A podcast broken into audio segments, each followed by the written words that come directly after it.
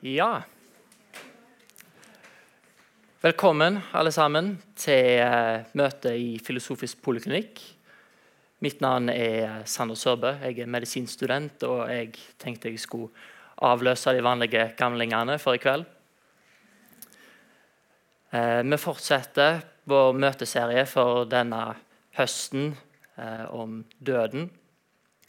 Og det vi tenkte å snakke om i kveld, det er selvskading. På en måte kan en si at uh, det er stor forskjell mellom disse to tingene. Du kan jo si at det er et helt liv i forskjell. Men at uh, samtidig denne forskjellen kan bli så liten som et par millimeter dypere med en kniv, det er på en måte ganske utrolig. Og at oppi alt dette, oppi de, den kontrasten at uh, den som gjør det. For den handler det kanskje egentlig ikke om død, men heller det motsatte. Det å holde seg i live. Det er noe jeg tenker er et paradoks med selvskading.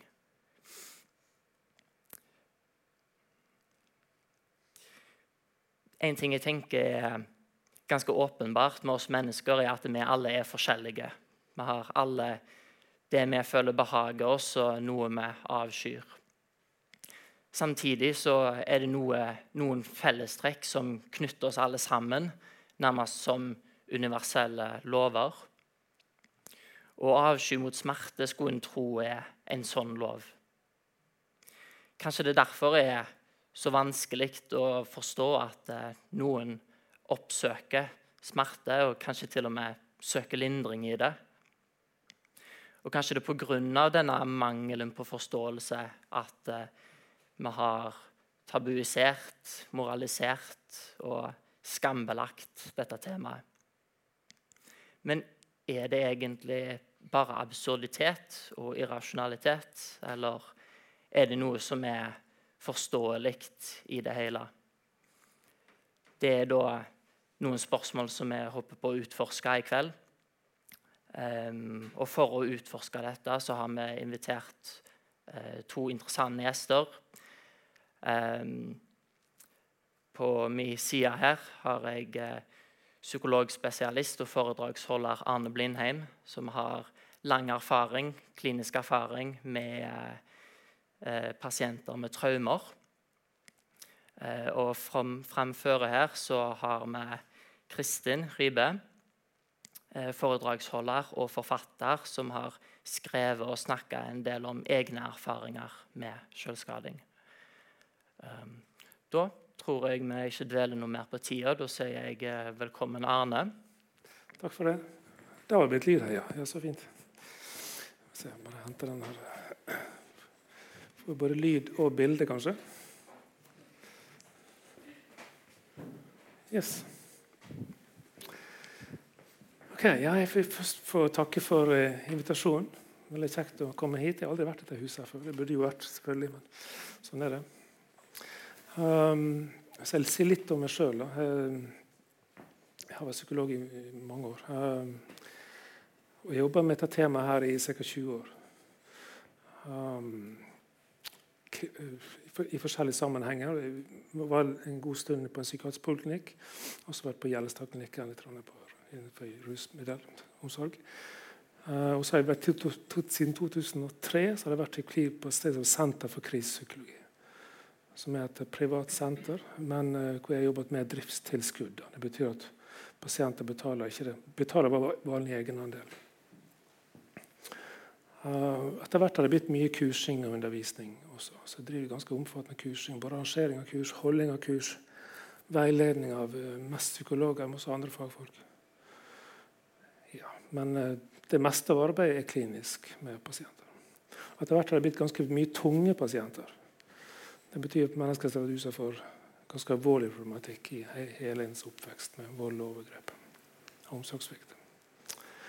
Eh, og der er det mye sjøskading. Jeg tror nesten alle mine pasienter er sjøskader. Nesten alle sammen. Eller har gjort det.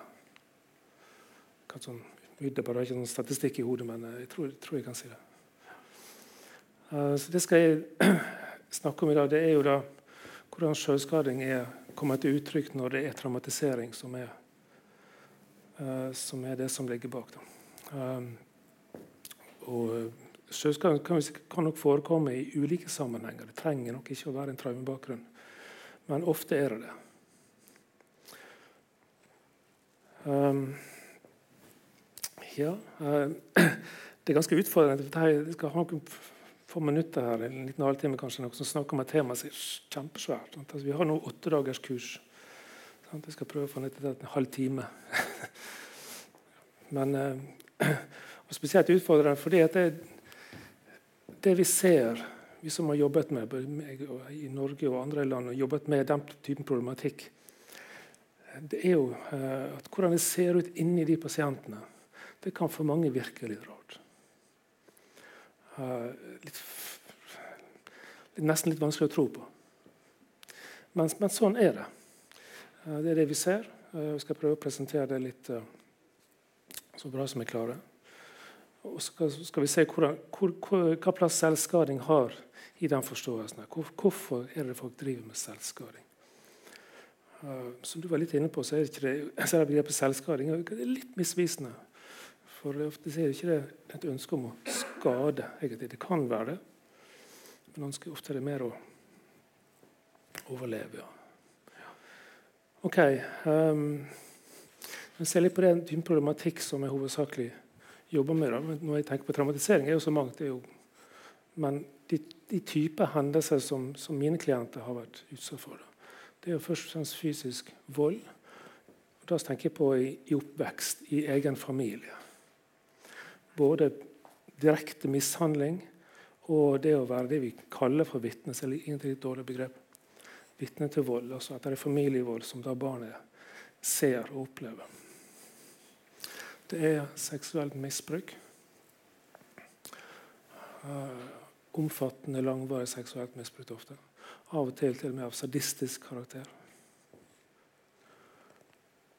Verbal trakassering, som ofte er, har vært undervurdert. Det er egentlig bare det siste en har begynt å forske på det. En ser jo at det, er, det betyr å si stygge ting til barnet. Um, like alvorlig. Og det samme er altså neglisjering. Det å det å bli neglisjert som barn. Ja.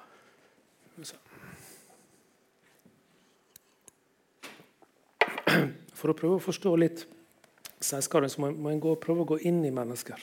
Prøve å se hvordan det ser ut inni der. Um, psykisk helsevern har ikke alltid vært like flink til det.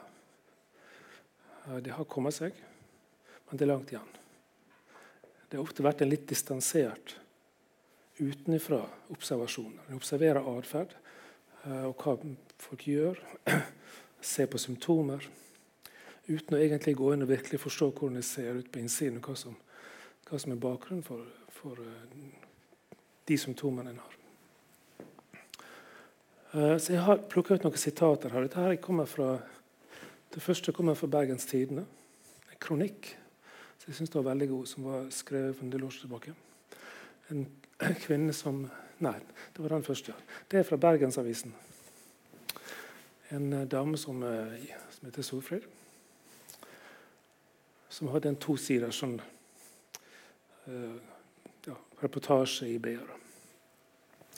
Hun sier mye som jeg kjenner igjen fra mine klienter. Hun sier det er ikke mulig å se det på meg hvor ille jeg har det på innsiden. Jeg er blitt ekspert på å skjule hva jeg føler, og hvor dype sår har ekspert på å stenge av følelser og behov.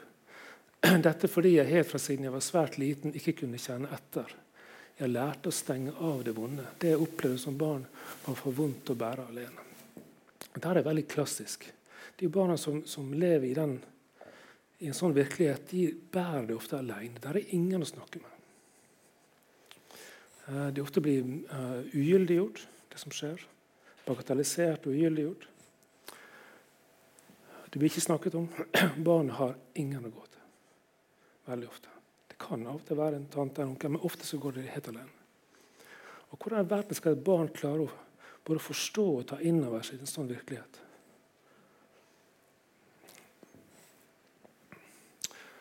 Um, så de stenger av. De klarer ikke å ta det inn. De stenger av, de skyver vekk og tar ikke inn det som skjer. De skal gå på skolen, og de vet at de må tilbake. I en verden hvor de blir slått, opplever vold, opplever misbruk, kanskje til og med sadistisk misbruk.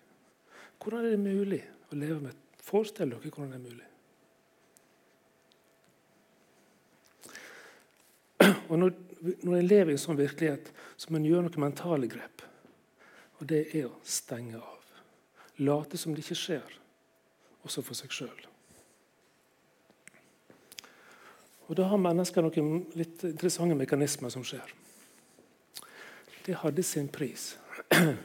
De voldsomme smertene på innsiden presset på ville frem. Jeg måtte stadig være aktivitet for å holde det indre trykket på avstand. Og Der ser vi symptomene kommer. Stadig være i aktivitet. Det er et typisk symptom. For smertene forsvinner ikke. Kroppen husker. Det vonde er lagret. For barnet vil det være umulig å kjenne etter. Man trenger beskyttelse som murer rundt det vonde. Som voksne har jeg oppdaget at det er dype sår i sjelen. Jeg måtte bygge sterke murer. Murer rundt meg selv, rundt sårene og følelsene mine. Forsvarsverk for å overleve. Innenfor murene er det borger, sterke, solide borger. Livet innenfor går i ring. Der er mørkt, uten mulighet til å orientere seg og gjøre nye erfaringer. Vi har noen små, redde jenter som bor der, som går i ring. Deres funksjon er å bære smertene. De voldsomme, grusomme smertene og vonde følelsene etter overgrepene.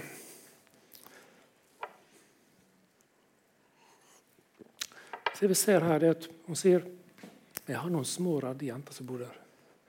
Det å lage en indre fragmentering Der kan man si at hun som liten jente Det hun opplevde som barn, det blir på en måte værende inn i henne som et barn. Det er ikke bare en, en flashbacks og gjenopplevelser. Det er ikke minner egentlig vi snakker om. Det, det også, Men det oppleves mer som en identitet. Et barn inni en som bærer smertene. Det er det vi ser hos det, de, mest, de veldig alvorlige eh, sakene. Um, nå bruker jeg eksempel fra alvorlige tilfeller, eller alvorlige hendelser. Um, når hendelsene er mindre alvorlige, så vil ikke det være så fullt på den måten her. Men det er litt det samme likevel. Det er bare en gradsforskjell, egentlig.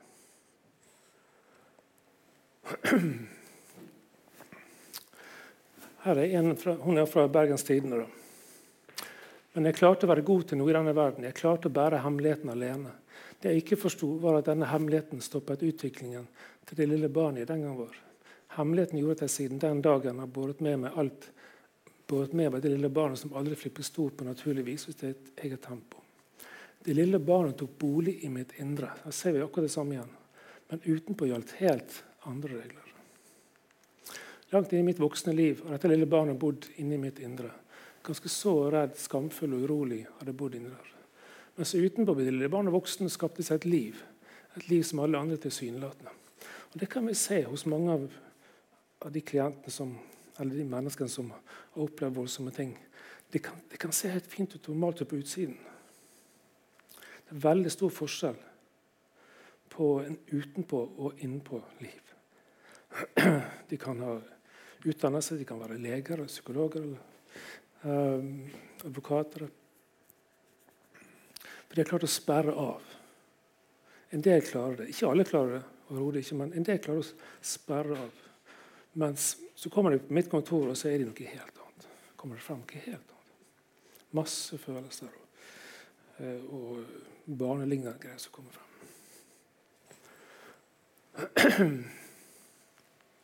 Men noen ganger er jo barnet inni, seg, inni der seg til kjenne. Og Det er da det, det som trenger seg på innenfra. Da blir det vanskelig å være voksen, for inni meg sitter dette barnet som ikke er mer enn 8-9 år. Når barnet får rom nok inni der, kommer redselen og skammen og trenger seg inn i mitt voksne liv. Denne blandingen av følelser kan gjøre hverdagen vanskelig å takle. Og Dette her er sentralt i forhold til selvskading når, når uh, redselen og skammen trenger seg inn i mitt voksne liv. Når det trenger seg på.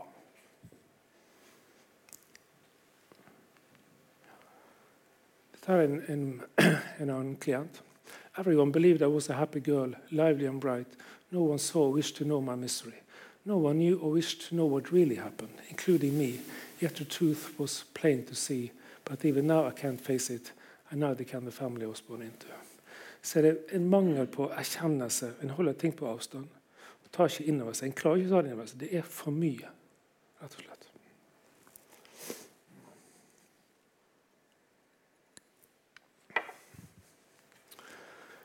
Og da blir det sånn på innsiden. At utenpå livet, der en ser helt, ofte helt normal ut, mens på innsiden så ser det sånn ut. En virkelighet som ikke er fortid, men som er der fortsatt. Som oppleves fortsatt til å være der.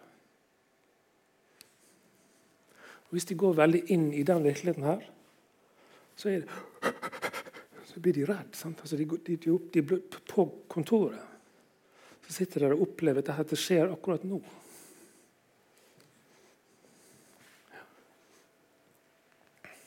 Det å ha det sånn som dette her, det er ikke lett når du skal begynne på legestudiet eller begynne på psykologistudiet. eller hva det er.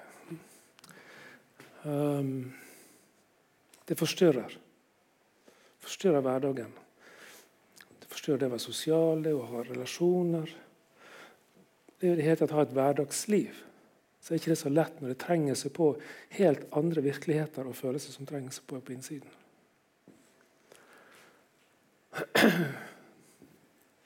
For det det gjør. Det trenger seg på. En annen virkelighet som, som bæres der, og som trenger seg på der. Det kan være følelser, det kan være stemmer, det kan være uh, minner, altså bilder osv. For her er det en helt annen virkelighet som sier jeg er i fare, i fare, det er redd, det er farlig, farlig, farlig. Den mannen er farlig, du må ikke, må ikke komme nær. Den er farlig, farlig, farlig. Videre. Når du har vokst opp sånn, så, det, så skaper du en verden hvor verden er farlig. Mennesker er farlige. Du må ikke komme i nærheten av dem. De svikter deg, de tar deg, de voldtar deg, de slår deg. Sånn er verden. Mens hun kan se på verden litt annerledes. Hun er mer orientert om her og nå kan oppleve at mennesker kan også være ok. Men hun har den med seg uansett hvor hun går. Ok.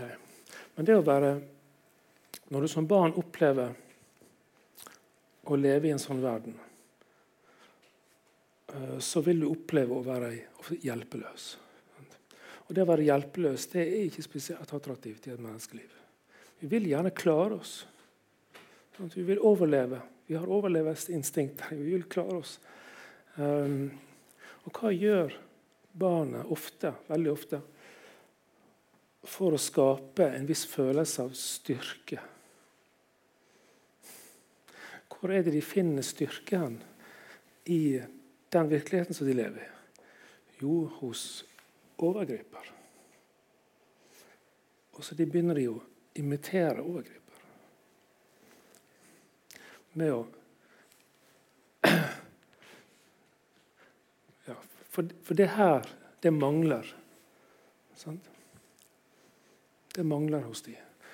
Så Derfor så søker de styrke hos overgriper. Og du får noe inni deg som blir opptatt av styrke og kontroll. Og som sier 'Du, din jævla lille hore'. Så begynner å etterligne og begynner å forakte svakhet, forakte hjelpeløshet. Og begynner å skyte inn på hate følelser, hjelpeløshet og behov og begynner å tøffe seg. Vi kjenner seg litt igjen fra litt mennesker som, som er veldig mye her. Altså, som er veldig mye der, litt sånn Donald Trump. Sant? Være tøff.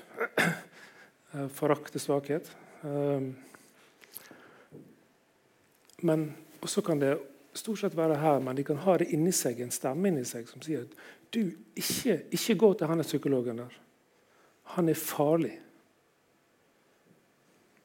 Eller ikke komme i nærheten av andre mennesker. Hold deg på avstand. Mennesker svikter deg. Så ofte kan du få en sånn her, uh, approach avoidance-konflikt her. Noe som er hjelp. Ikke i nærheten. Hold deg avstand.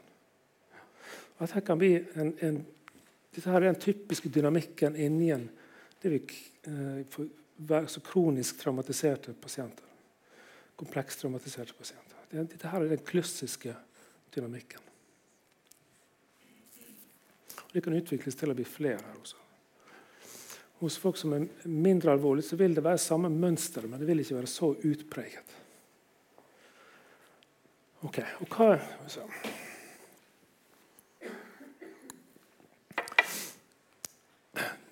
Det er inni en som vil gå på skole og ha et normalt liv. Det må forholde seg til de greiene her som er inni en, som en kjenner på.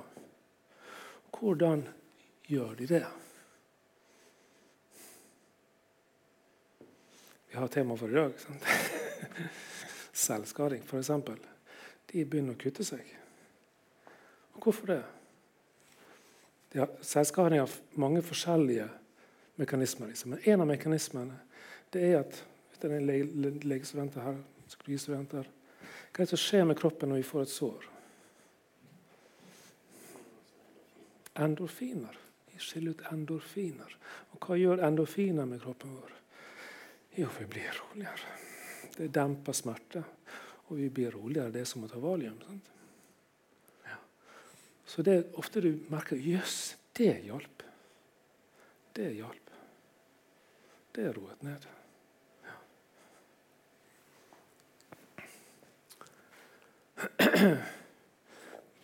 Men det kan også, kan også andre mekanismer. F.eks. han her, som ofte kan oppleves som en gutt, selv om det er en kvinnelig pasient. Um,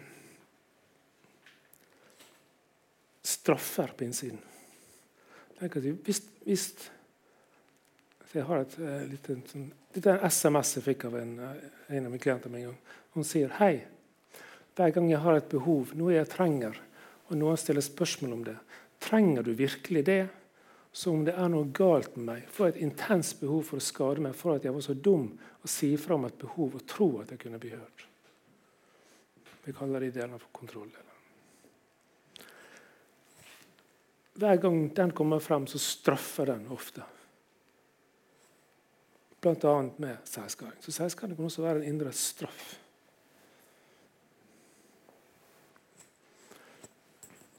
Høres det rart ut av tingene der?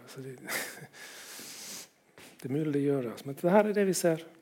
20 års erfaring på det. Det er tusenvis av andre mennesker som har lignende erfaring. Ja. De her eh, tøffingene her de er ofte ikke så tøffe som det ser ut på utsiden. Bak her så er det De er ganske redde, egentlig. Det er liksom De prøver å være sånn, og så er det egentlig sånn.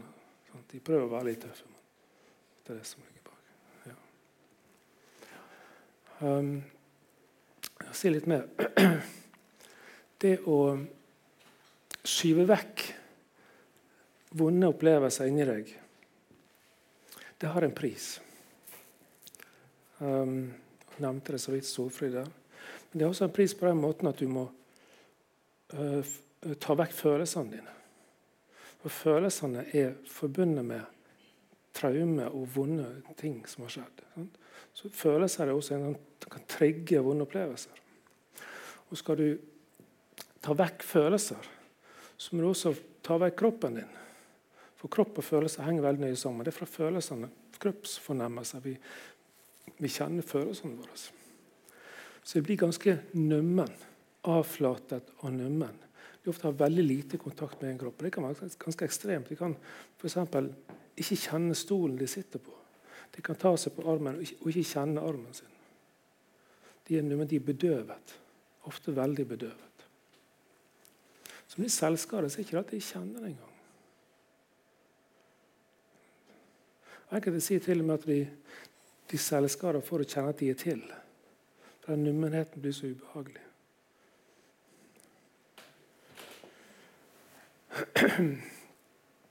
Altså, det er også å være obs på at altså, skulle jeg selvskade, jeg hadde klart å stikke med en nål en gang. Altså. Tenk på det som skjer. Så skal er vanskelig forstå hvordan i verden får de det til. Og Det er jo ganske svære ting. Jeg har, ikke altså jeg har veiledet en som har hatt en klient som, som at de har måttet amputert armen sin. det, er, det, er, ganske svære ting. Skader indre organer. Yes. Um, så her er en, tegning av en, pasient, en, av mine pasienter. Hvor, dette her er hennes indre liv. Her er Over streken er sånn som hun kunne tenke seg at det skulle være. Sant? Det er hus og hjem og kjærlighet og bil og båt og sol, skinn og fjellturer. Og det vi alle, de fleste av oss i liker. Sant? Poenget er at av og til så detter hun ned disse hullene her. Sant? Og her er overgrep, sant? der er hud der er, Her ser vi noe altså, sadistiske overgrepet. Her er det en kjetting sånt, Der er noe lignende som er puttet inn i, i skjeden hennes. Nøkkel, sånt, låst rom, klær. Under trappen redd. Gjemt seg under trappen. Her er selvskading. Her er jo da en dødsønske. Her er liksom fuck off. Ulike reaksjonsmønstre som ligger inne, og som må dette ned i sånn hun opplever det. Ja. Um, si én ting til før vi, vi gir oss. Det er at um, Det som følelser er til for å handles på. Sant? Når vi er, trenger væske, blir vi tørst, og vi må handle på det. Vi må drikke. Da forsvinner følelsen. følelsen hvis vi blir sint, så er det sannsynligvis en vi må sette grenser. Sant? Følelser er til for å handles på. Det er det vi har følt. De signaler om handling. Og Det er det her også. Følelsene som kommer herfra, det er signaler om handling. Men det er for mye. Hun klarer ikke det. Og så De symptomene som dukker opp da, det kaller vi gjerne for erstatningshandlinger. Det blir erstatninger for de handlinger som egentlig personen trenger å gjøre. Og det kan være selvskading. Det kan også være rus. Det kan være, som vi så på denne beskrivelsen der, det å rydde, overdreven trening, overspising. Masse ting som du kan gjøre for å holde følelser og alt det på avstand. Det er erstatningshandling. altså Selvskading er en slags erstatning for en erstatningshandling for en, den handlingen. For du klarer ikke å gjøre den handlingen som du egentlig trenger å gjøre. Jeg tror jeg stoppe der, ja. Rett og slett. Ja.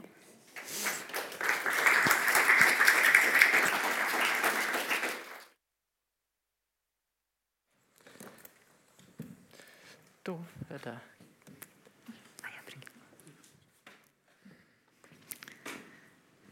Hei, jeg heter Kristin. Jeg har ingen anelse over hvor mange ganger jeg har skåret meg. Men jeg har telt stingene, helbredelsen og vitnene. For meg var legevakta umåtelig viktig som vitne. Se så skada jeg er. Se så vondt jeg har det.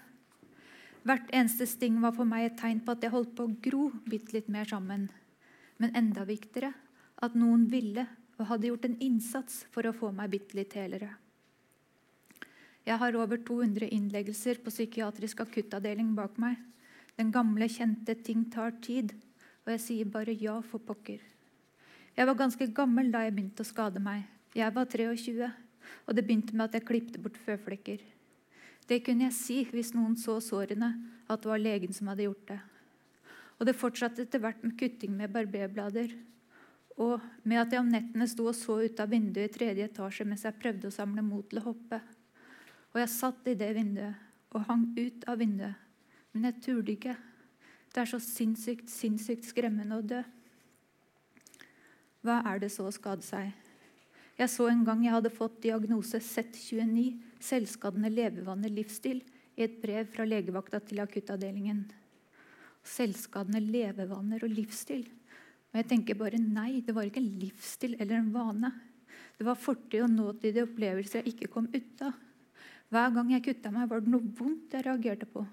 Noe uutholdelig. En vane er noe ganske annet. Vaner kan utføres uten følelser. Selvskading for meg var det motsatte. Å skade seg var for meg også en måte å gi meg sjøl omsorg på, hvor paradoksalt enn høres. Det var å ta vare på den lille, redde Kristin og gi henne mulighet til å få noen å snakke med når hun absolutt ikke klarte det på andre måter. Og jeg tror det er veldig essensielt. Jeg klarte det ikke på andre måter. Da jeg ble innlagt første gangen, var det kun to av personalet som så vidt fikk noen mening i det jeg sa. Og jeg kunne virkelig ikke snakke om meg sjøl, men klatra i stedet opp på skap og gjemte meg under sofaene og trengte eksplisitt å bli funnet. Bli gitt tid. Lang tid. Og det at jeg nå kan stå her foran dere, vil nok ikke mange trodd som så meg de første årene. Og Jeg var på en DPS i Oslo for en tid siden der en hjelper sa til meg Men du er jo så annerledes. De jeg hjelper som kutter seg, er så usikre og har så liten selvtillit. Du står foran oss her og snakker. Og jeg kan bare si tilbake ja, jeg står her og snakker. Ja, jeg kan ordlegge det jeg tenker og opplever. Ja, jeg har en trygghet i meg. Men den har jeg jo fått. Den har jeg i dag fordi så mange, mange har hjulpet meg. Og det er, sånn jeg ser det, ganske provoserende oppfatningen om at selvskading er manipulerende. Og en sånn oppfatning overser selvskaderens smerte. Men overser enda mer at selvskaderen ofte ikke har ord for denne smerten. Ofte ikke har erfaring i å be om hjelp. Ikke kan be om å bli sett. Ikke kan forklare hva som er galt, og hva som gjør vondt. Og selve kuttet blir dermed en slags bønn.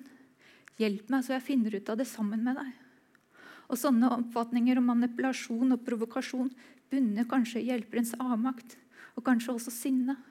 Men det er utrolig ydmykende for meg når jeg ikke ser noen annen måte å hjelpe meg sjøl på, og bidrar derfor til en tilleggsskade. Manipulasjon, sånn jeg ser det, innebærer at den manipulerende har et valg. Be om hjelp med ord innrømme at man trenger andre med ord. Og det har jeg i mange år ikke kunnet. Og det å be om hjelp med sår er faktisk ok. Ja, faktisk ok når alternativet er den totale ensomheten og den totale tausheten. Når alternativet er å henge seg i det tauet som ligger ferdig knytta i klesskapet. Og ja, jeg har telt stingene mine. Rett og slett fordi nettopp stingene, det å se på stingene, trøsta meg. Fordi stingen er et uttrykk for her kan noe gro, her kan noe heles. Men enda mer her har noen hjulpet meg til å bli helere som menneske. Og det er umåtelig forskjell fra da jeg var liten. Jeg kunne dele det såre med noen. Jeg kunne få gråte sammen med noen og høre ja, det er trist. Du er ikke rar når du reagerer på det du har opplevd. Det er helt naturlig, forståelig, men veldig trist. Og For meg nå innebærer arrene både skam og en slags stolthet. Jeg kan vise det til noen få. Vise det sårbare og triste. Se hvor skada jeg er. Se at jeg innrømmer at jeg trenger andre. Men nå etter så mange år en slags stolthet også. Jeg har hatt det veldig vondt, men jeg lever ennå. Jeg har overlevd. På et eller annet vis har jeg funnet krefter til å overleve. Jeg har ikke tatt livet mitt. Og Likevel var jeg en del på somatisk på overvåkninga der. Det blei mange ganger for vondt. For vondt å bare holde ut i ensomhet. For vondt å ikke ha kontinuerlig trøst. Noen som var der sammen med meg. Så som en form for selvskading tok jeg ganske mange overdoser. Som en gang da jeg våkna illsint opp på overvåkninga med slanger festa i armen, og jeg prøvde å rive det av, men det var for godt surra. Så jeg beit over hele slangen og løp ut og bortover gangen fremdeles full av tabletter omtåka. Det å kjempe med all makt mot pleierne, får jeg sprøyte mitt oppi og bli tvangssatt med politi til psykiatrisk. Ikke spurt engang. Men det var jo det jeg trengte, å bli sendt videre. Å få noen å snakke med. Ikke bare ligge der i en seng, nesten glemt. Eller en annen gang ligge der og spy og spy og spy. Kjenne smerten i magen. Ligge der og love meg selv at de tablettene, de tar du aldri mer og så likevel gjøre det en gang til. Eller det vanskelige å lese etter krisen at jeg var fullstendig bevisstløs, uten smertereaksjon ved innkomst, med svekket respirasjon, angivelig fått svelgtum og ventilatorisk assistanse for anestesi, med multiple sår på armer og buk. Og jeg tenker ja, det er alvorlig. Jeg var ikke sikker på om jeg ville leve. Men jeg kutta meg for å holde ut enda litt til. Ikke ta enda en sånn dose. Jeg har villet dø, men jeg har også villet leve. Jeg har hatt en sterk vilje til også ville leve og orke å kjempe. Og Derfor har det aller meste jeg har gjort, vært skade, kutting og blod, men ikke mer enn skade. Men det står så ofte, og mange mener og har sagt til meg, selvskading er aldri for å dø, men bare for å lage sår. Og det kan jo kanskje være sånn når jeg kutter meg på steder der det trolig er langt ned til viktige årer. Men det er så mye mer. Fra en slik rein skade til det å direkte kjenne etter hvor pulsåra banker og kutte seg der. Men også og det i seg selv er ganske farlig. Være likegyldig til utfallet. Villig til å ta sjansen på hva som helst som måtte komme. Men kutting er også å holde selvmordet på avstand. Ja, jeg blør, men akkurat det gjør at jeg kan holde ut alt dette vonde litt til. Men jeg er også redd. En overdose. Legen som sa jeg kunne dødd av den dosen.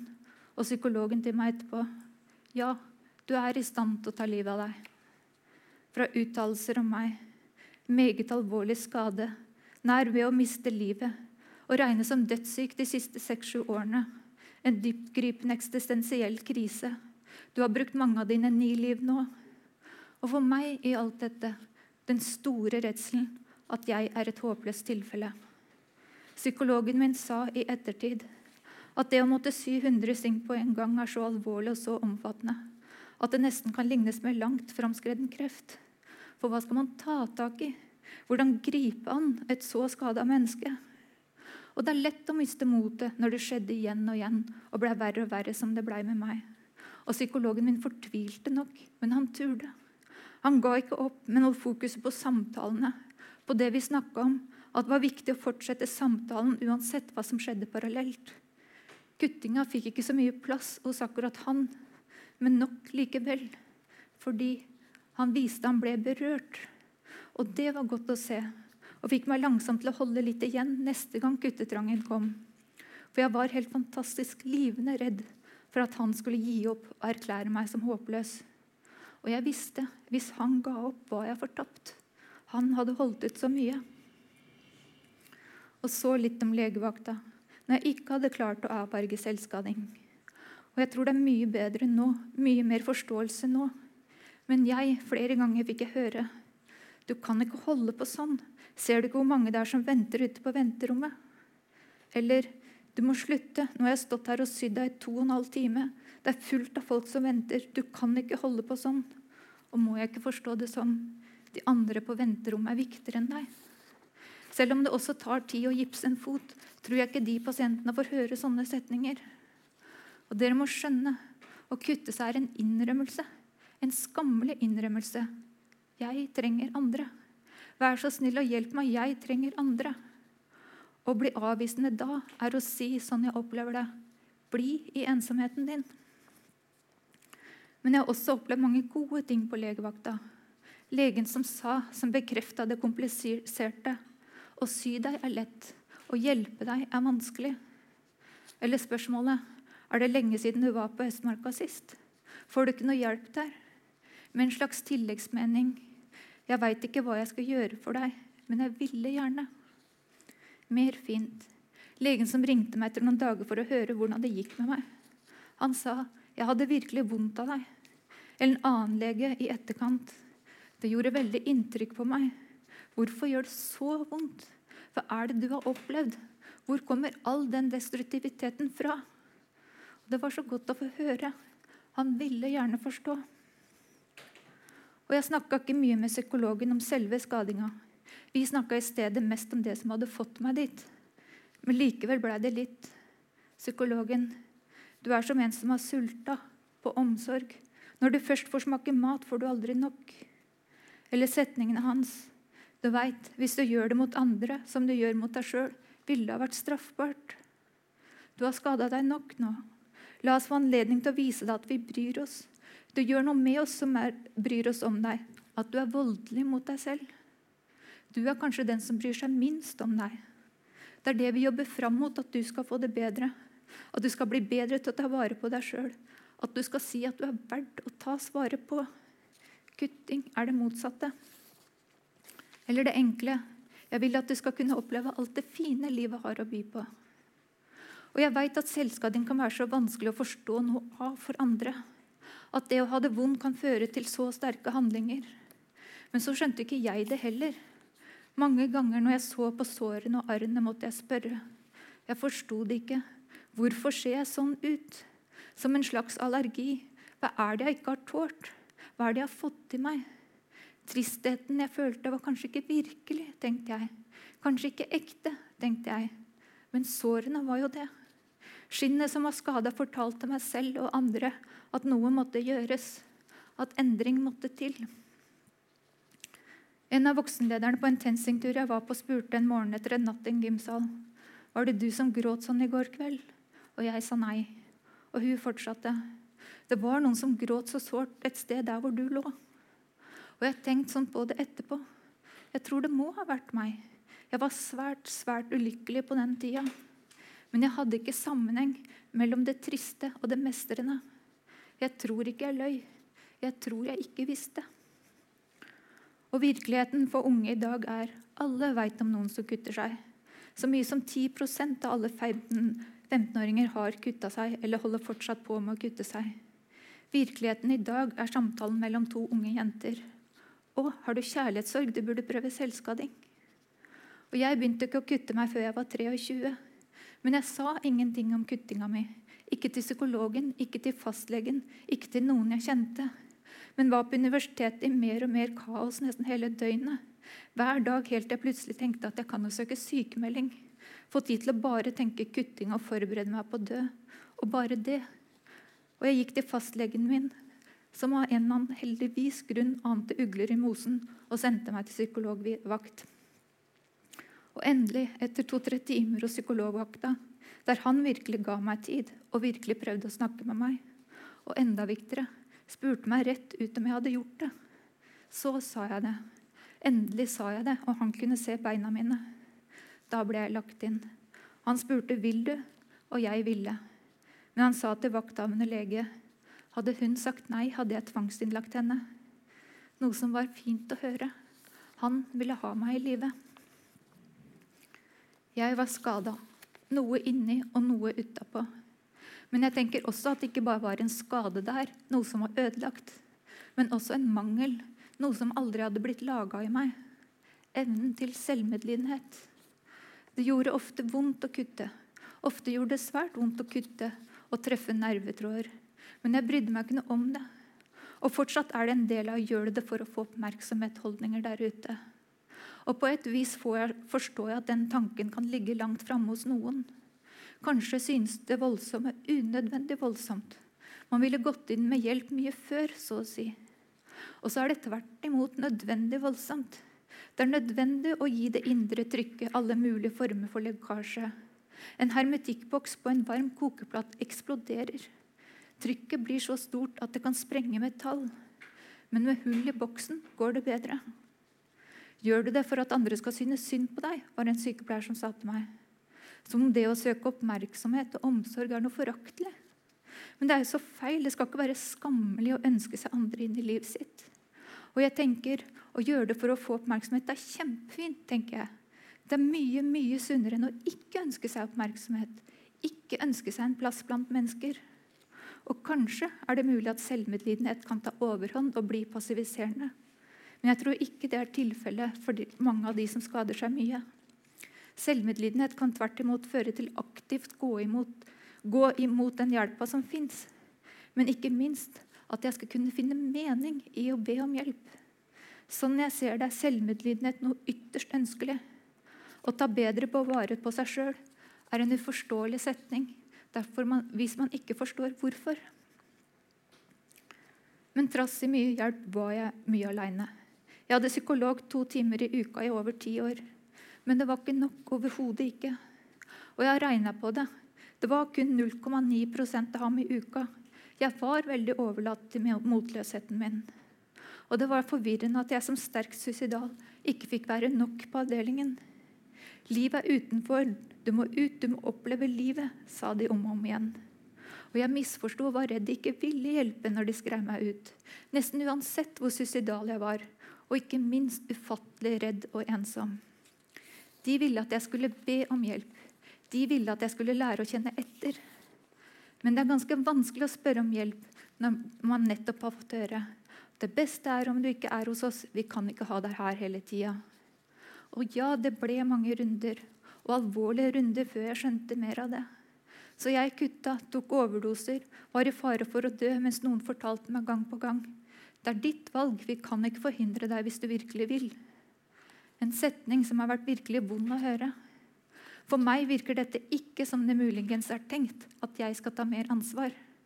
For meg betydde det i stedet ta nå det valget, da. Det er helt greit for oss om du dør, bare gjør det. Det er denne fomlinga vi ikke liker. Gjør det skikkelig. Noe som fikk meg gang på gang til å tippe forferdelig over.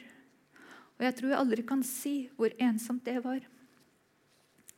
Men mange ganger ble det fine møter, som da en sykepleier en gang sa. Det er ganske skremmende å se, også for oss som jobber her. Skjønner du det? Eller et ærlig sukk. Den selvskadinga di den bekymrer oss. Det er så trist at du må sitte og skjære deg opp. Og jeg synes det er fint sagt å skjære deg opp. Det sier noe om åpningen som blir der ganske åpent inn i kroppen, inn i sjela mi. Det var vanskelig å hjelpe meg, og det tok svært mange år å hjelpe meg. Og I mange år ble kuttinga, voldsomheten i kuttinga også verre og verre. Jeg overhørte en gang en ekte fortvilelse. Hvorfor greier vi ikke hjelpe Kristin? Men de greide jo å hjelpe Kristin. Det hjalp meg til å snakke om det.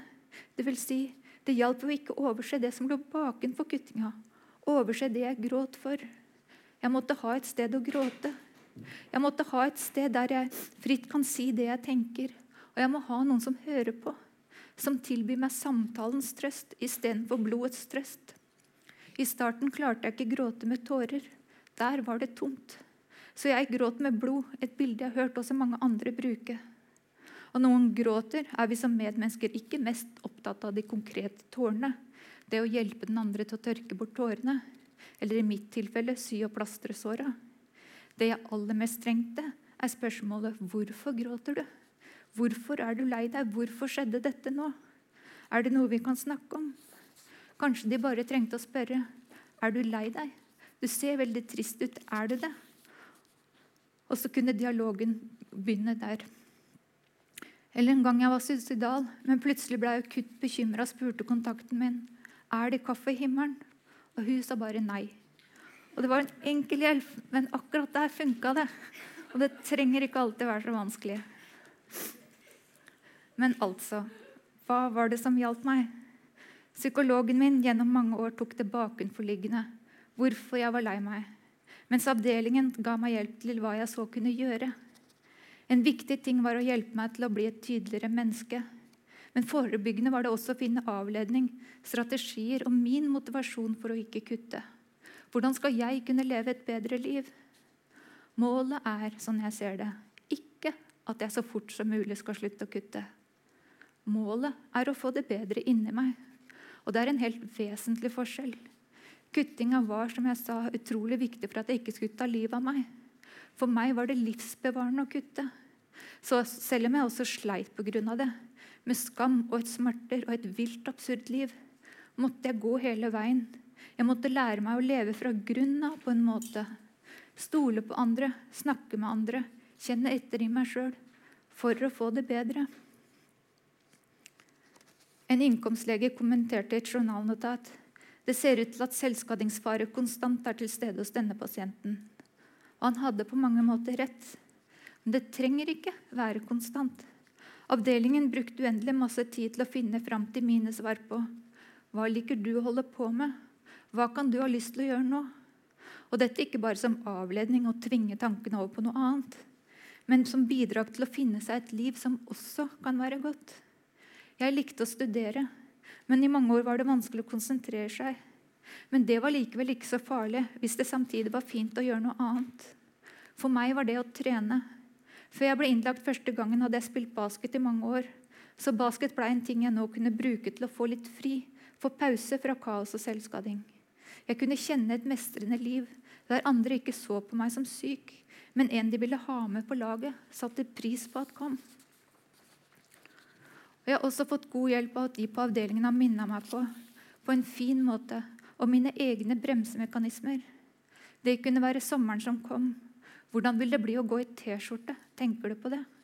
Eller fordi jeg trente og kanskje måtte dusje med andre på bortekamp. Hvordan vil det bli?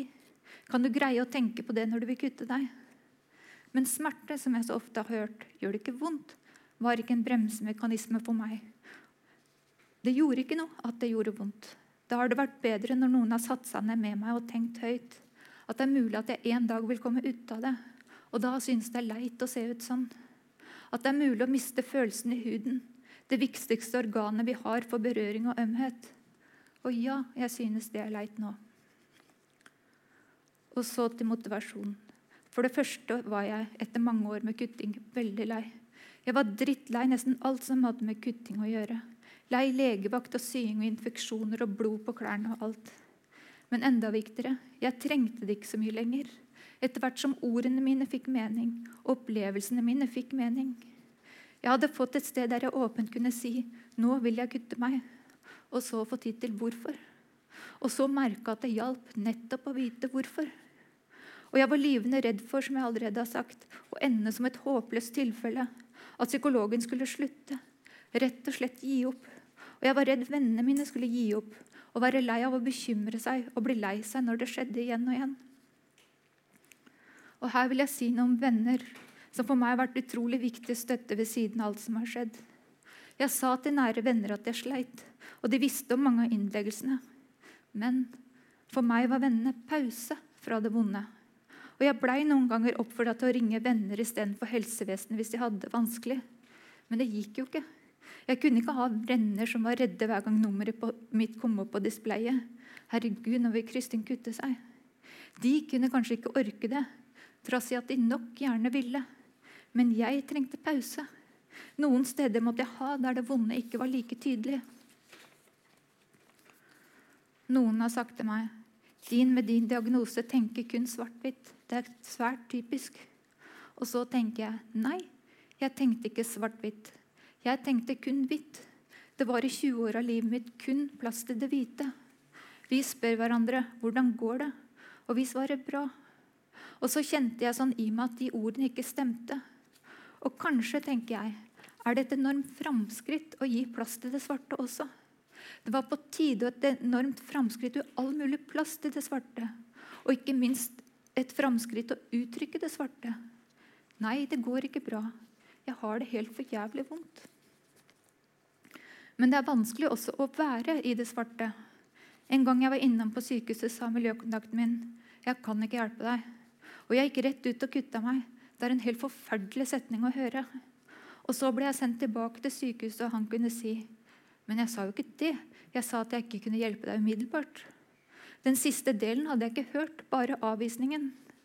Og det var ikke lett for hjelperne mine å ikke si noe galt. Og det var ikke lett for meg å ikke høre hele setningen eller å ikke feiltolke. Jeg hadde lett for å føle avvisning. Og jeg jobba i samtaler til å lære å bli klar over hvem jeg var. Jeg hadde virkelig ikke ord om meg, om det jeg kjente og tenkte. Jeg var rett og slett ganske blank. Jeg visste virkelig svært lite om følelser. Jeg kunne se folk som kasta tallerkener i veggen, og jeg tenkte hva er det de driver med? Og både frustrasjonen over dette og plutselig virkelig kjenne på vonde ting førte til at jeg kutta meg mer og mer intenst. Og det var fint å ikke bare være passiv i smerten. Endelig reagerte jeg. Endelig var jeg på mange måter ærlig i forhold til det jeg følte. Ærlig i forhold til fortvilelsen. Og ikke minst var jeg ikke lenger taus og snill. På mange måter er selvskading ekstremt retta mot andre. Se, vær så snill og hjelp meg, jeg har det vondt. Nesten som et lite barn som strekker armene i været for å bli løfta og bli holdt. Og jeg veit jo åpne, dype sår må helst synes innen noen timer. Men åpen, dyp smerte trenger, tror jeg, også ganske umiddelbar inngripen. Mange kutter seg i flere år uten hjelp og lærer seg til å holde ut det også. Helt til de nærmest slutter å ønske seg noe for andre. Det er så dobbelt skadelig å uttrykke smerte og så ikke få noen hjelp med det.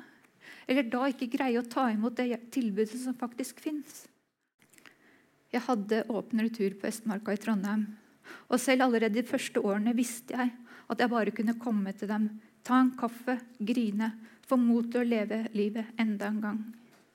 Men jeg kunne jo umulig be om en innleggelse. Når legene på legevakta spurte meg hva de skulle gjøre, og jeg sa 'send meg til Østmarka', og de spurte Men blir du tatt imot der? Og jeg sa ja. Og de spurte, men hvorfor i all verden dro du ikke bare dit med en gang? Og det visste jeg ikke. Bare at jeg umulig kunne be om en innleggelse. Og jeg skjønte først nå hvorfor det var så vanskelig. Det var så utrolig, utrolig vanskelig å komme uten å kutte seg. Fordi jeg da måtte tro på at jeg har verdi som menneske. At jeg kan få andres tid, være verd andres tid. Det kunne jeg umulig se eller innrømme eller forstå. Så jeg kutta meg og kutta meg og kutta meg. Men når jeg ikke kutter meg, slipper jeg jo det absurde livet. Det hemmelige livet og skammen. Jeg slipper å vaske blod fra gulvene mine. Kjenner lukta halvt innstørkna blodpøl i leiligheten når jeg kommer tilbake etter en innleggelse og etter å ha blitt henta ambulanse eller politi. Jeg slipper å klemme ut verk fra sårene mine. Jeg slipper å bli kvalm og svimmel av blodtap, spise jerntabletter, holde det hemmelig. Vite at det er farlig, det jeg gjør, og likevel fortsette. Men det er vanskelig å slutte å kutte seg. Det er sinnssykt vanskelig å slutte å kutte seg. For én ting er å tørre å tro på at man er verdifull når man smiler og er glad. En helt annen ting er å kunne tro at det svake også er til å tåle. For meg er det svake i meg ikke bare verdiløst. Det har en misverdi. Det er en opplagt belastning for andre. Så jeg tør nesten ikke vise det svake, det redde og triste til venner. Selv om de er virkelig gode venner. Jeg er så innmari redd for å miste dem. Og likevel, som første steg, en gang jeg sa jeg var redd for å være terk, men ble motsagt. Det er gøy for oss som jobber her, å se deg utvikle deg. Vi er flere her som virkelig vil du skal ha det bra. Du er ikke et håpløst tilfelle. Hadde du vært det, hadde vi brukt tida på noen andre. Og jeg vil ikke kutte meg mer, men jeg kan fortsatt kjenne et behov for å kutte meg. Og jeg føler ganske ofte savnet etter å bli tatt vare på. Men jeg vil bruke språket mitt isteden. Nå har jeg flere ord.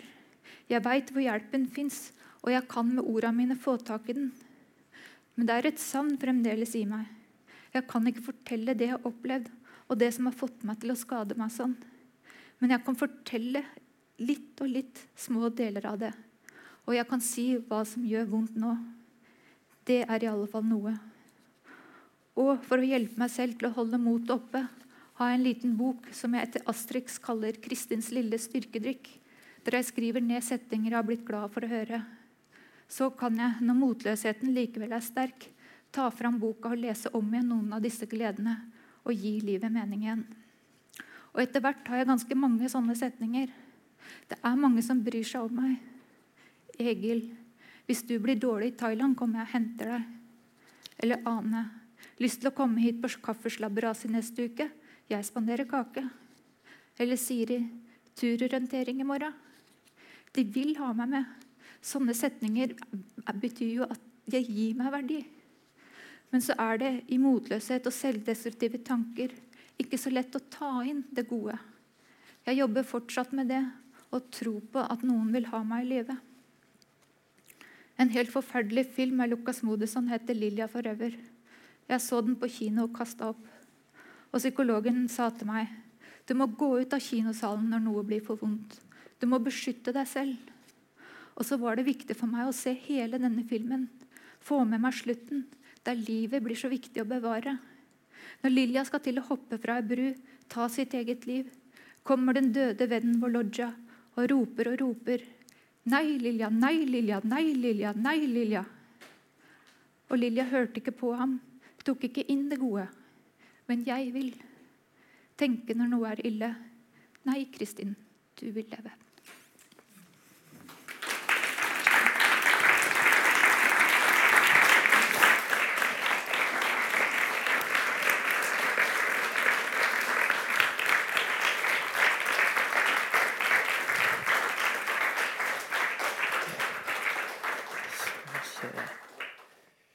Da tror jeg vi bare setter frem stolene her.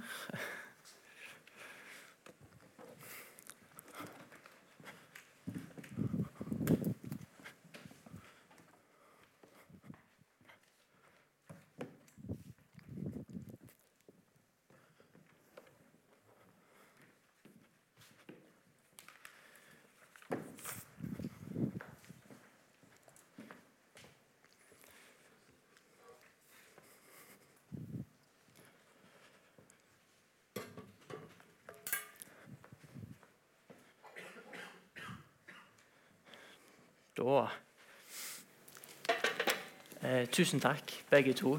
Um, eh, Kristin, jeg antar at eh, når du står her oppe, som du sikkert har gjort mange ganger før nå, eh, og forteller om disse erfaringene som du har hatt Ja, gjerne. Um, hva er det som på en måte skjer i hodet ditt når du gjenforteller det du har opplevd? Hva for noen følelser har du? Jeg, blir trist, det blir jeg. Det, Mm. Ja. Uh, ja, det er litt vanskelig å si. Men det er litt den der enorme ensomhetsfølelsen som det um, Som det var. Å liksom gå f.eks. Uh, timevis og prøve å tørre å ringe på røykevaktklokka. Eh, ja, at liksom det var ingen der som kunne ta meg med. Eller sånn, det var nok noen venner, men da hadde jeg mista dem uka etter. ikke sant? Sånn at eh, eh, Ja, det er en helt ufattelig ensomhet i det livet. Det tror jeg. Mm. Og den kjenner du på Ja, jeg kjenner på det. mm. Mm. Men du, du ser altså Siden du Siden du har bestemt deg for å å, å fortelle andre mennesker om dette, så du kjenner en verdi med det òg, kanskje? Eh, hva tenker du nå? Det, Altså Føler du at det, det tilfører deg òg noe? Det Å snakke? Også, Ja, mm, ja, mm. det gjør det. Virkelig.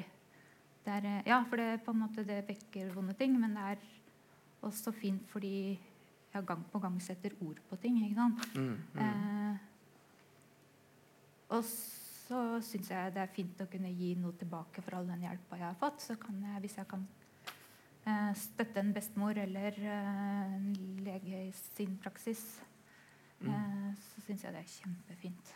Det er det. Mm. Mm. Hvis vi mm, går litt tilbake til den tida der du, eh, der du skader deg sjøl Mm. um, Hva for en plass får den sjølskadinga i hele selvbildet ditt? Går det, går det an å så, mm, på en måte ha en, en del av deg sjøl som ikke blir, eh, blir berørt av det?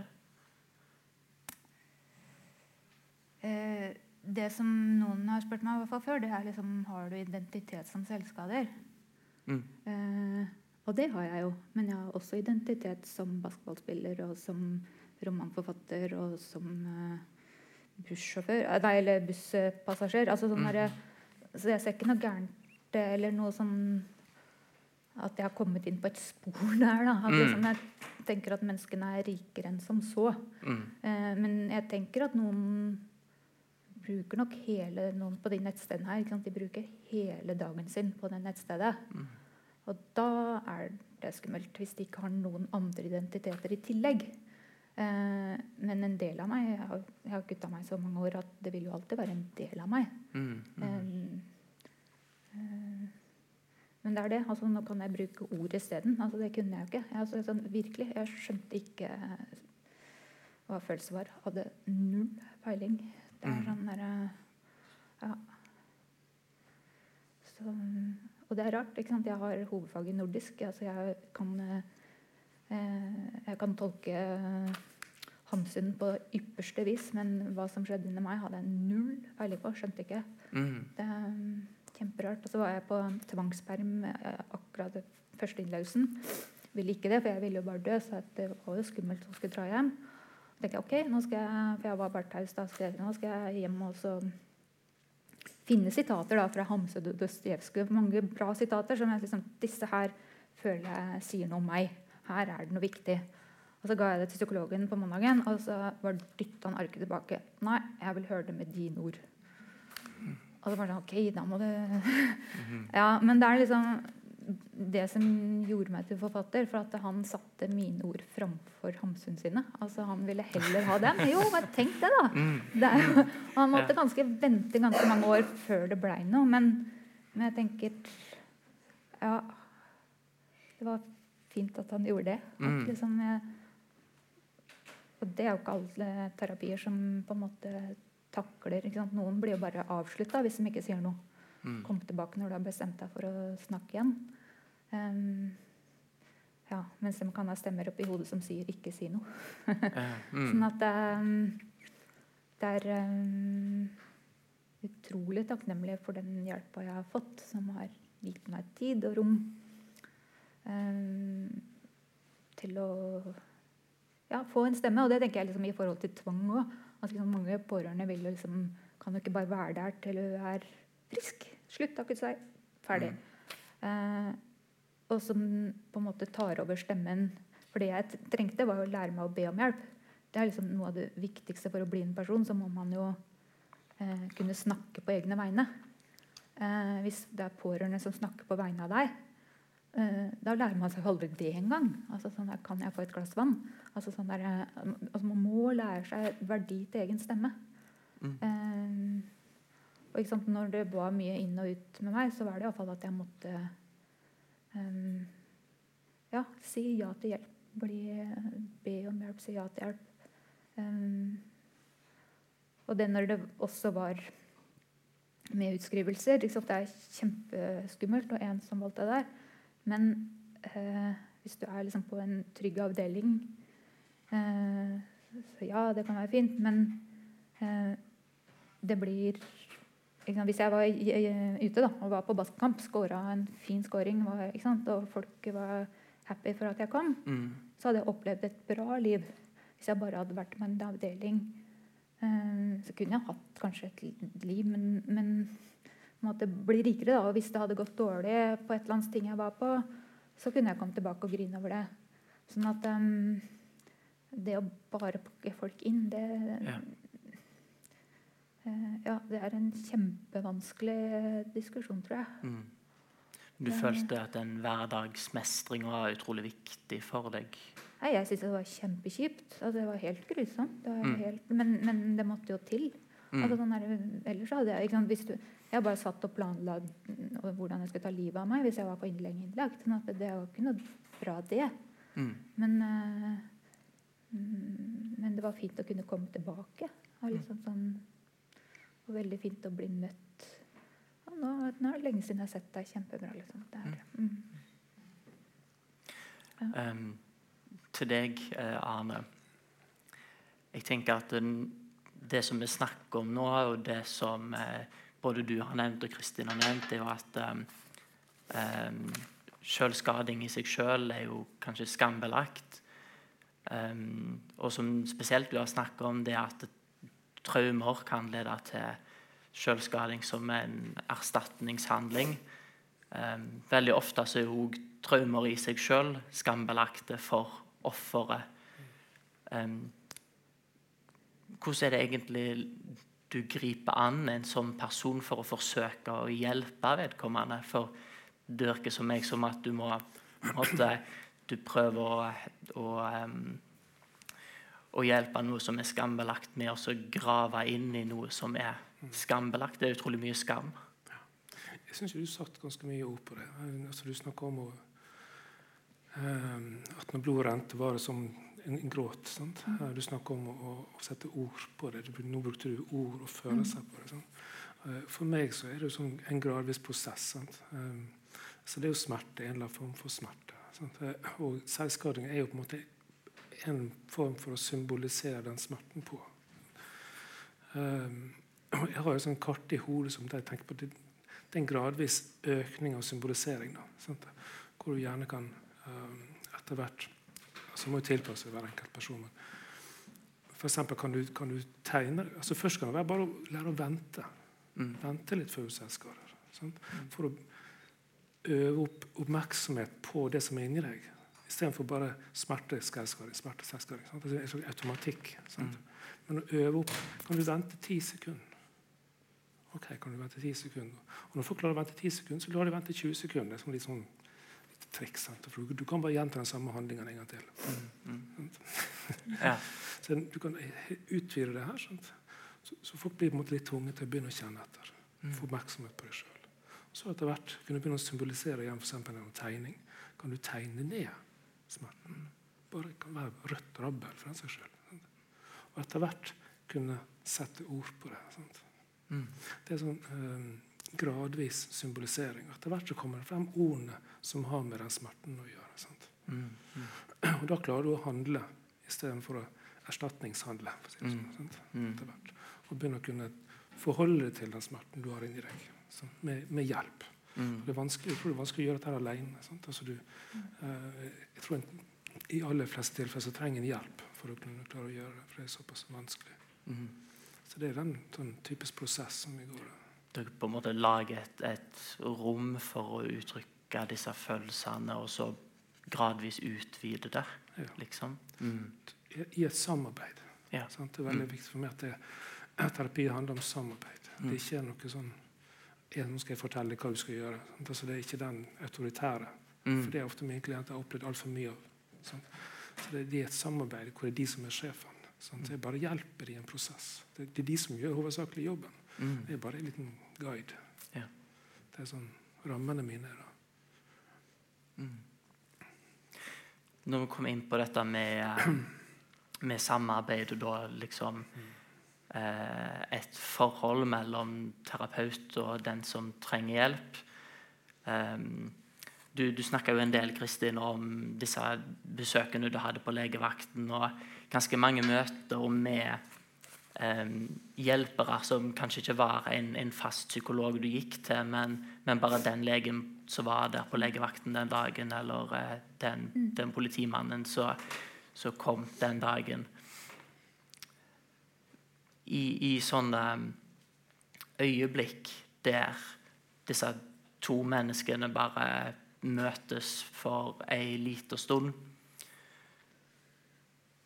Hvor mye skal Hvor mye kan en, en sånn hjelper involvere seg i deg? Hvor, hva tenker du er um, Hva tenker du er rett mengde av involvering, hvis du forstår hva jeg mener? Uh, ja. ehm,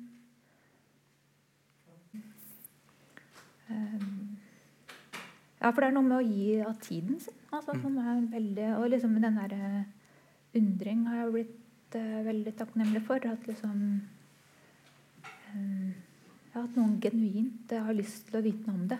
Og det Mm. behøver ikke nødvendigvis være om meg, om mitt liv, men på en måte um, Ja, jeg har hørt mange andre sier at det er å gråte. Syns du det? Og den er helt vanvittig. Så jeg synes jeg er god. Liksom, du ser veldig trist ut. Er du det? Mm. så sånn, Hæ? Åssen kom det fram? Mm, mm. ja, ja, det, mm, jo, men det er liksom noe med å bli sett da, som er kjempegodt. Ja. Jeg kan bare si litt om det. For Ja. jeg, så, jeg tror forrige uke det var en reportasje i Bergenstidene om en kvinne som hadde gått til behandling i mange år uten å få noen hjelp. følte hun, Og så hadde hun gått til en ny behandling, type behandling, og fått kjempegod hjelp. Og skrev hva den nye behandlingen var. Jo, han lyttet. Mm. Det var den nye behandlingen gikk ut på å lytte. Jøss, tenkte jeg. Mm. Og det er jeg veldig glad for å høre at du har fått hjelp over tid. sant? Du har Ja. trengt tid. Men i dagens psykisk helsevern så er jo ikke det alltid tilfellet. Det, Mm. det er en slags effektivitetstyranni, nesten. sant? Altså, Mm. hjelp hvor det, ting skal gå fort. Ja. Det er nesten en konkurranse å gjøre det fort nok. Altså, Mm. Så fort som mulig. Ofte så blir det lite effektivt. Ja, og liksom jeg tenker I forhold til å kjenne verdiløshet da. Så Hvis du liksom bare vil bli en som er, bli, man blir fortest mulig kvitt, Ja. den bygger jo ikke akkurat opp eh, under verdifølelsen. da. Nei, det blir en Så sånn ja. Mm. Men jeg tenker også i forhold til det der med liksom det derre eh? Det du sier, liksom holde ut ti sekunder. Altså, men bare sånn Jeg har passa noen unger til venninnene mine. Og liksom sånn der, Og hvis de er sultne, så går det liksom tvert. Altså sånn der, Men kjære deg, jeg lager mat når du skal få mat. Altså, bare, men de er bare helt ute. Altså, og sånn tenker jeg Jo, men det er altså sånn, Den vonde følelsen, de veit ikke om den går over. De er for til å vite at det, får jeg mat, så går det ubehaget over. Og sånn tenker jeg det var litt. Altså, sånn bare Ja, men jeg veit ikke om det går over. Dere sier at jeg skal holde ut, men går det over? Altså, den er kjempevanskelig. Ja, det er derfor jeg sier ti sekunder. Ja, ja, ja. ja, men det er det jeg tenker òg. Men det er kanskje å få det litt tydeligere fram at eh, ti sekunder kan være helt, veldig lang tid. Ja, og hvis de, hvis de opplever siden at ti sekunder er for vanskelig, ok, fem sekunder. Ja. Jeg går heller ned. Ja. Mm, mm, Ja. Tre sekunder. ja. Og så var det fint også det der? En ting er å øve seg hvis du er innlagt, og så gå ti meter bort til vaktrommet og banke på. Og så kunne jeg liksom ha dem på øret mens jeg gikk til sykehuset også, da, eller gikk til legevakta. Så det er liksom sånne ting som kan hjelpe òg. Liksom du ikke går mutters putters aleine i livet. Mm. Mm. Sånn med tanke på at um, eh, du Kristin, snakker òg om at du, du har rusa deg. Nei. Ikke Nei. rusa? Hm? Ikke rus. Overdoser med piller. Bare- ja, akkurat. Mm. Mm. Ja. Unnskyld, Ja, det er mye feiltolka. Ja. Men bare en sånn liten sånn interessant uh, Et spørsmål med um, Hvis vi har for oss en, en sånn sekk med disse forskjellige tingene som det er skam og tabu rundt, f.eks. selvskading eller, eh, eller rus.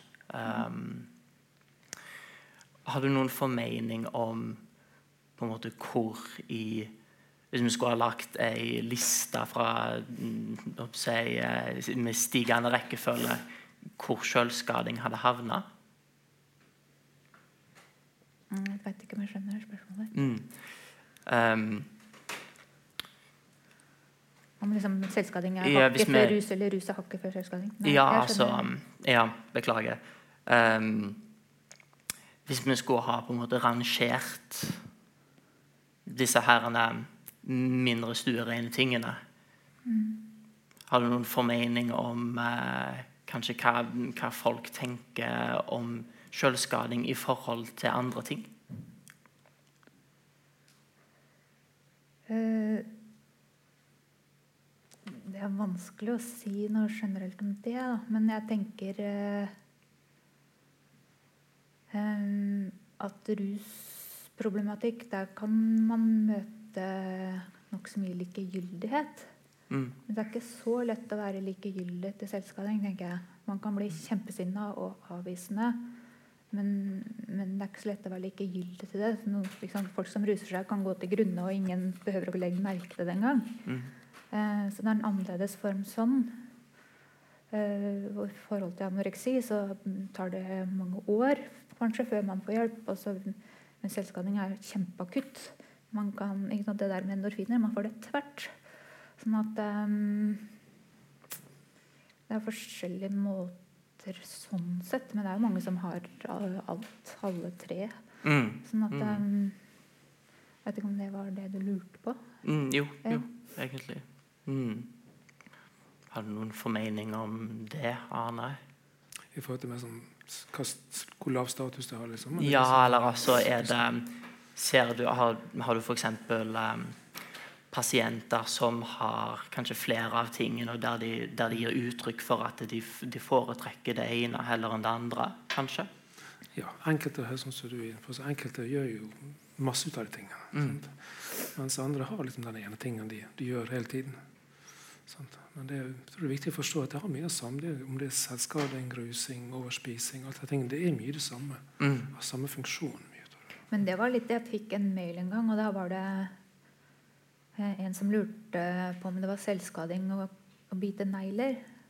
Altså for, men jo, men han hadde jo et genuelt liksom, Han hadde jo klart en vond følelse. Mm. Ja. Men også er det liksom For han virka liksom Eller hvis jeg forsto han rett, så var det liksom litt fint hvis han kunne sette merkelappen selvskading på det. Mm. Eh, og det er skummelt, da.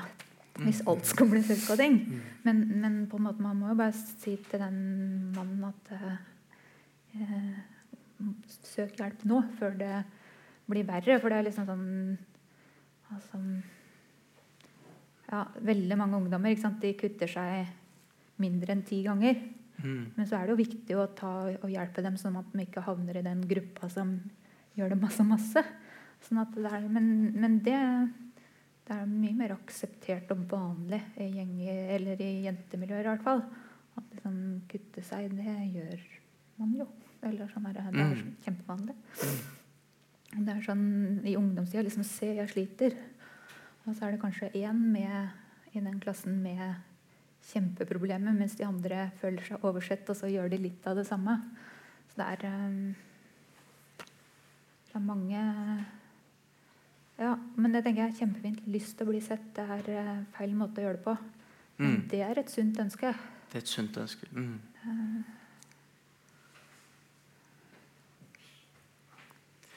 Sånn Etter alle disse årene der du har um, kommet over uh, Eller um, ikke kommet over, men lagt mer bak deg uh, for historien din eh, Hva for et forhold har du til jeg, jeg antar du har arr etter, eh, etter den tida. Hva for et forhold har du til kroppen din? Nei, eh, arrene er liksom et tegn på at jeg har holdt ut. Mm. Jeg tok ikke livet mitt. Er, eh, eh, de er på en levende kropp. De er ikke Mm. på en død kropp. Eh, så sånn sett så sant, er liksom, Jeg er lei meg for det. Jeg kan ikke gå i T-skjorte i alle situasjoner. Det kan jeg ikke. Jeg kan ikke gå i shorts i alle situasjoner. og Det er masse sånne ting. Men, men jeg lever. Så de Ja, det er jo sånn jeg må ta med, da. Mm. Det er, um, Det er mer et symbol på overvinnelse heller enn det er ikke noe symbol, men det er Mm. et vedheng. Mm. Men uh, ja, jeg tenker det som var symbol, var liksom å se blodet gå ut. Mm. Det var kjempesymbolsk for meg. For da, liksom, da er det noe som kommer ut av kroppen. Noe som fysisk kommer ut av kroppen. Det er ikke liksom bare endorfiner. Det, det, man kan se det jo. Ikke Mm. sant? Det er symbolsk. Men uh, de arrene Mm. Enkelte beskriver det som en renselse. Sant? Altså det å kunne se det, hvordan en ser smerten kommer ut. Liksom, sant? Og noe inni det kan kanskje føles som Ja, der ser jeg smerten. Altså det, det må, den personen må se med øynene at det er smerte inni der. Mm. En måte å vise seg frem på, på et vis. Ja. Mm. Det kan ha litt ulike funksjoner. Sånn, Mm. Sånn um, for oss um, Jeg er jo jeg er jo medisinstudent, og jeg er på et helt kull med en hel gjeng andre medisinstudenter. Um, og mest sannsynligvis så kommer vi jo med til å erfare at eh, andre mennesker er i din situasjon og lignende situasjoner der de um, fortjener skikkelig hjelp. Men samtidig så er det jo kanskje sånn at uh, mange av oss som um, er på det studiet vårt, uh, vi har hatt veldig gode liv. Um, det har generelt sett gått bra med oss. Eh, sånn at eh, vi har kanskje ikke mange av de erfaringene til felles med, eh, med mennesker i din situasjon. Er det noe vi kan bruke, eller noe vi kan på en måte forstå for oss For å kunne bedre forstå selvskading? Nei, jeg tror det går på å være nysgjerrig. Altså. Sånn her, Mm. aksepterende nysgjerrig. Ikke sånn herre eh, snokete, men rett og slett åpen nysgjerrig og si liksom Det er bare fordi jeg lurer på det. Jeg skal ikke bruke det til noen ting. Jeg, jeg bare er oppriktig eh, lurer på hva selvskading betyr for deg. Sånn- ja. Så er det noe med, med ikke, ikke bare det blir en intellektuell ting, sant? men også virkelig kjenne etter. Hvordan er det hun har det? Hvordan er det å være deg? Mm. Og det å kjenne på det sjøl når du sitter der som lege og kjenner litt etter. Hvordan er det å være deg? Er det sånn at sant? Og så får du Ja, det er sånn. Sant? Altså det Ja, ja. Får, den, den bekreftelsen. Ja, det er sånn å være deg. Mm. Mm. Jeg tror Det blir en emosjonell ting også. Sant? Å virkelig kjenne etter. Ja. Jeg tror det er litt, For å si det litt enkelt, da, veien Mm. å gå, egentlig. Ja. Og, det å forstå at det å jobbe med de tingene her sant? Altså, Når en person kommer til legevakten 100 ganger, eller hva det nå er sant? Eh, så er det ikke eh, vrang vilje. Altså. Det, altså det å jobbe, virkelig gå inn og jobbe med de tingene sånn som du har gjort, det er en kjempejobb. Mm. Det er virkelig en kjempejobb. Det består av å gå inn og kjenne på fryktelig mye smerte. Sant? Uh, og det er ikke noen enkel jobb. Altså. Det, det å virkelig erkjenne og forstår at det er en kjempejobb som den personen må gjøre. Og Det er veldig god grunn til at, at du da ikke orker. Sånn. Eller du ikke har muligheten til det. Du har en, en god behandler, forstår jeg. Det er ikke alle som har det. Sant? Som så Derfor kommer jeg igjen og igjen og igjen, igjen fordi de har ikke, enten de har ikke behandlet det helt hele tatt, eller har de dårlig behandling. Så ja, det å sette seg inn i den Og så bare en gang jeg liksom var og sydde, så var det sånn eh, Så han sydde meg, og så liksom tok han bare sånn, liksom sånn eh, ett minutt ekstra tid og liksom bare liksom så oppover armen. liksom jeg ser du at det er vanskelig? Altså, sånn, det var ikke noe spørsmål, det var ikke at jeg skulle forklare noen ting. Det var liksom bare å bli sett. Mm. Og det var liksom ikke 'har du hatt det vanskelig'? Nei, han, han bekrefta det jo. Ja. Og det er liksom sånne små Bare én setning her og der kan Mm. gjøre kjempegode ting. altså. Jeg vet derfor enkelte ting som lett kan forstyrre som eh, Jeg kjenner gode folk som er syk, hvordan det er psykisk helsevern. Og Der er det blitt veldig mye sånn her eh, du må passe, Sånn storebror ser deg. Altså, du, du må passe på å gjøre sånn, du må sånn og sånn. og sånn. sånn du, du sitter der med, som psykolog eller lege sitter med litt angst. Sånn, at også for, ja, nå må jeg huske på det, jeg må huske på det, og huske på det, og huske på det, og gjøre de alle de rette tingene. Mm. Og Det kan lett ta fokus vekk fra pasienten. Sånn. Um, så det å kunne klare igjen mest mulig grad det er kanskje ikke så enkelt, spesielt når en er ung lege, og sånt, men klare å prøve å dempe det litt. Altså, at min jobb er faktisk å se, Mm. og forstå og lytte. Først og fremst. Jeg vet jo om eh, eh, I en forskningsartikkel så var det ei eller en gutt som hadde tatt livet sitt for at eh, legen var for opptatt av å ta en skidd, eller hva den heter. Er det det heter? Ja, sånn selvmords... eh, Mm. eh, mm, ja, og så liksom spurte om spørsmål som bare trigga noe så vilt at personen gikk og tok livet sitt istedenfor det du sier, liksom, å lytte. Det var liksom sånn der, eh, liksom, Selvmordsvurderingen må du kanskje ta, men du trenger ikke gjøre den åpenlyst. Ja. Ja, Mm. være sensitiv. Mm. Mm. Og la mer klienten sin behov styre hva du gjør, enn en alle disse her storebror-greiene. Mm. Ja. Mm. Eller det vente. Greit. Jeg tenker vi tar noen spørsmål fra salen.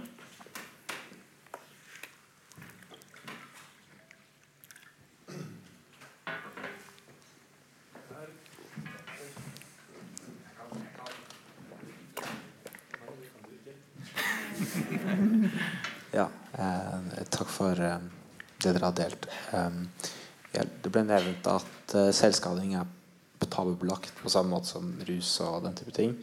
Jeg lurte på om det at det er tabubelagt, er en del av hvorfor folk gjør det. Da. At, det er, at det er attraktivt nettopp fordi det er tabubelagt. Om, om dere hadde noen tanker rundt det.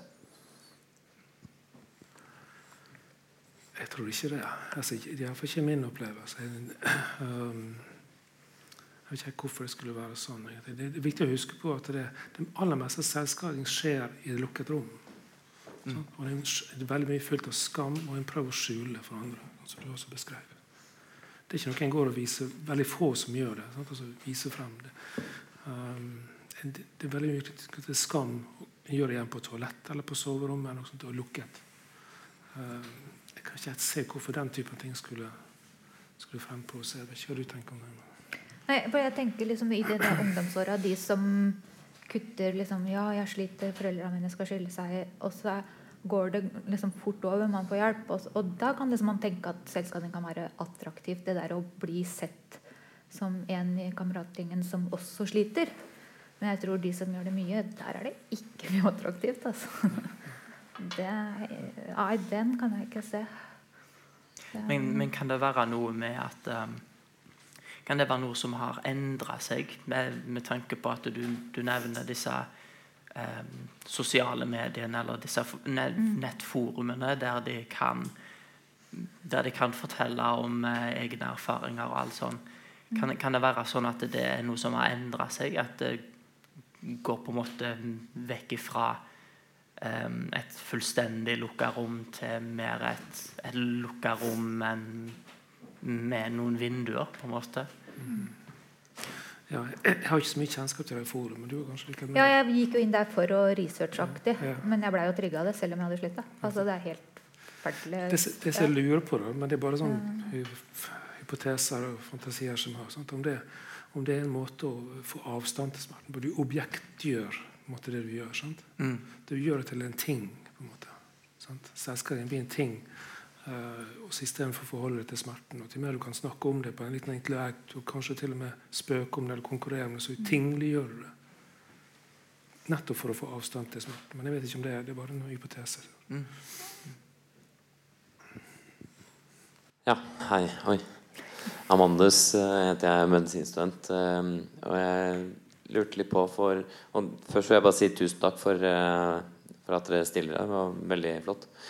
Jeg lurte litt på for Arne, du beskrev med det bildet ditt fra en pasient disse hullene som man kan falle i. Og Kristin, du snakker om litt den ensfarging, det at det, bare, at det var bare hvitt. Kan dere kjenne dere igjen i litt de an, den andres beskrivelse av hvordan denne eh, selvskadingen kan føles ut som? Sånn, nå er jo du behandler, og du en som har opplevd det, men Ja, det kjente jeg i hvert fall veldig godt igjen i det du som Det var veldig sånn som det bruker Ja, for jeg syns også det bildet ikke sant, sånn her, utenpå studerer ting er hvitt, Ja. og så er du hjemme hos deg sjøl, og så er det en veldig redd og veldig sinna Kristin. Jo, det var veldig fint. Det var kvitt, kvitt og svart. Sant? Ja, Ja, det er mange ulike beskrivelser av det. Da. Uh, det er jo en, en dame som heter Marilyn van der Boer. Ikke om du kjenner, hun var Miss America uh, i 1959 eller noe sånt. Så hun har en egen webside. Huset for incest av sin egen far fra var 5 til 19, 18 år. Sånt. Ja. Hun kalte det for Miss America by day. For hun, det var en veldig vellykket familie som, kjemperike. og sånt. Alt var så flott og fantastisk sant? på utsiden. Det var Miss America by day. Og så hadde hun en annen som var by night. Sant? Det var en helt annen Marilyn. Sant? Det er en bok. 'Miss America by Day'. Den har vært anbefalt. Fått masse priser. Så det, sånn- det er veldig mange som beskrever akkurat det skillet der på mange ulike måter. Vi har det svart og hvitt. OK. Eh, jeg må si tusen takk. Det var sterkt å høre på. Jeg lurte litt på i hvor stor del traumer kan ta over en sjøl og hverdagen. Og nå ser jeg for meg at du gjerne kan som eh, psykolog kan svare litt sånn objektivt på det. Ja. Selv om det Og Kristin kanskje eh, litt mer subjektiv på hvordan ofte er det kun i de øyeblikkene der en sitter alene og har lyst til å skade seg sjøl, at det, sånne tanker og gjenopplevelser kommer tilbake?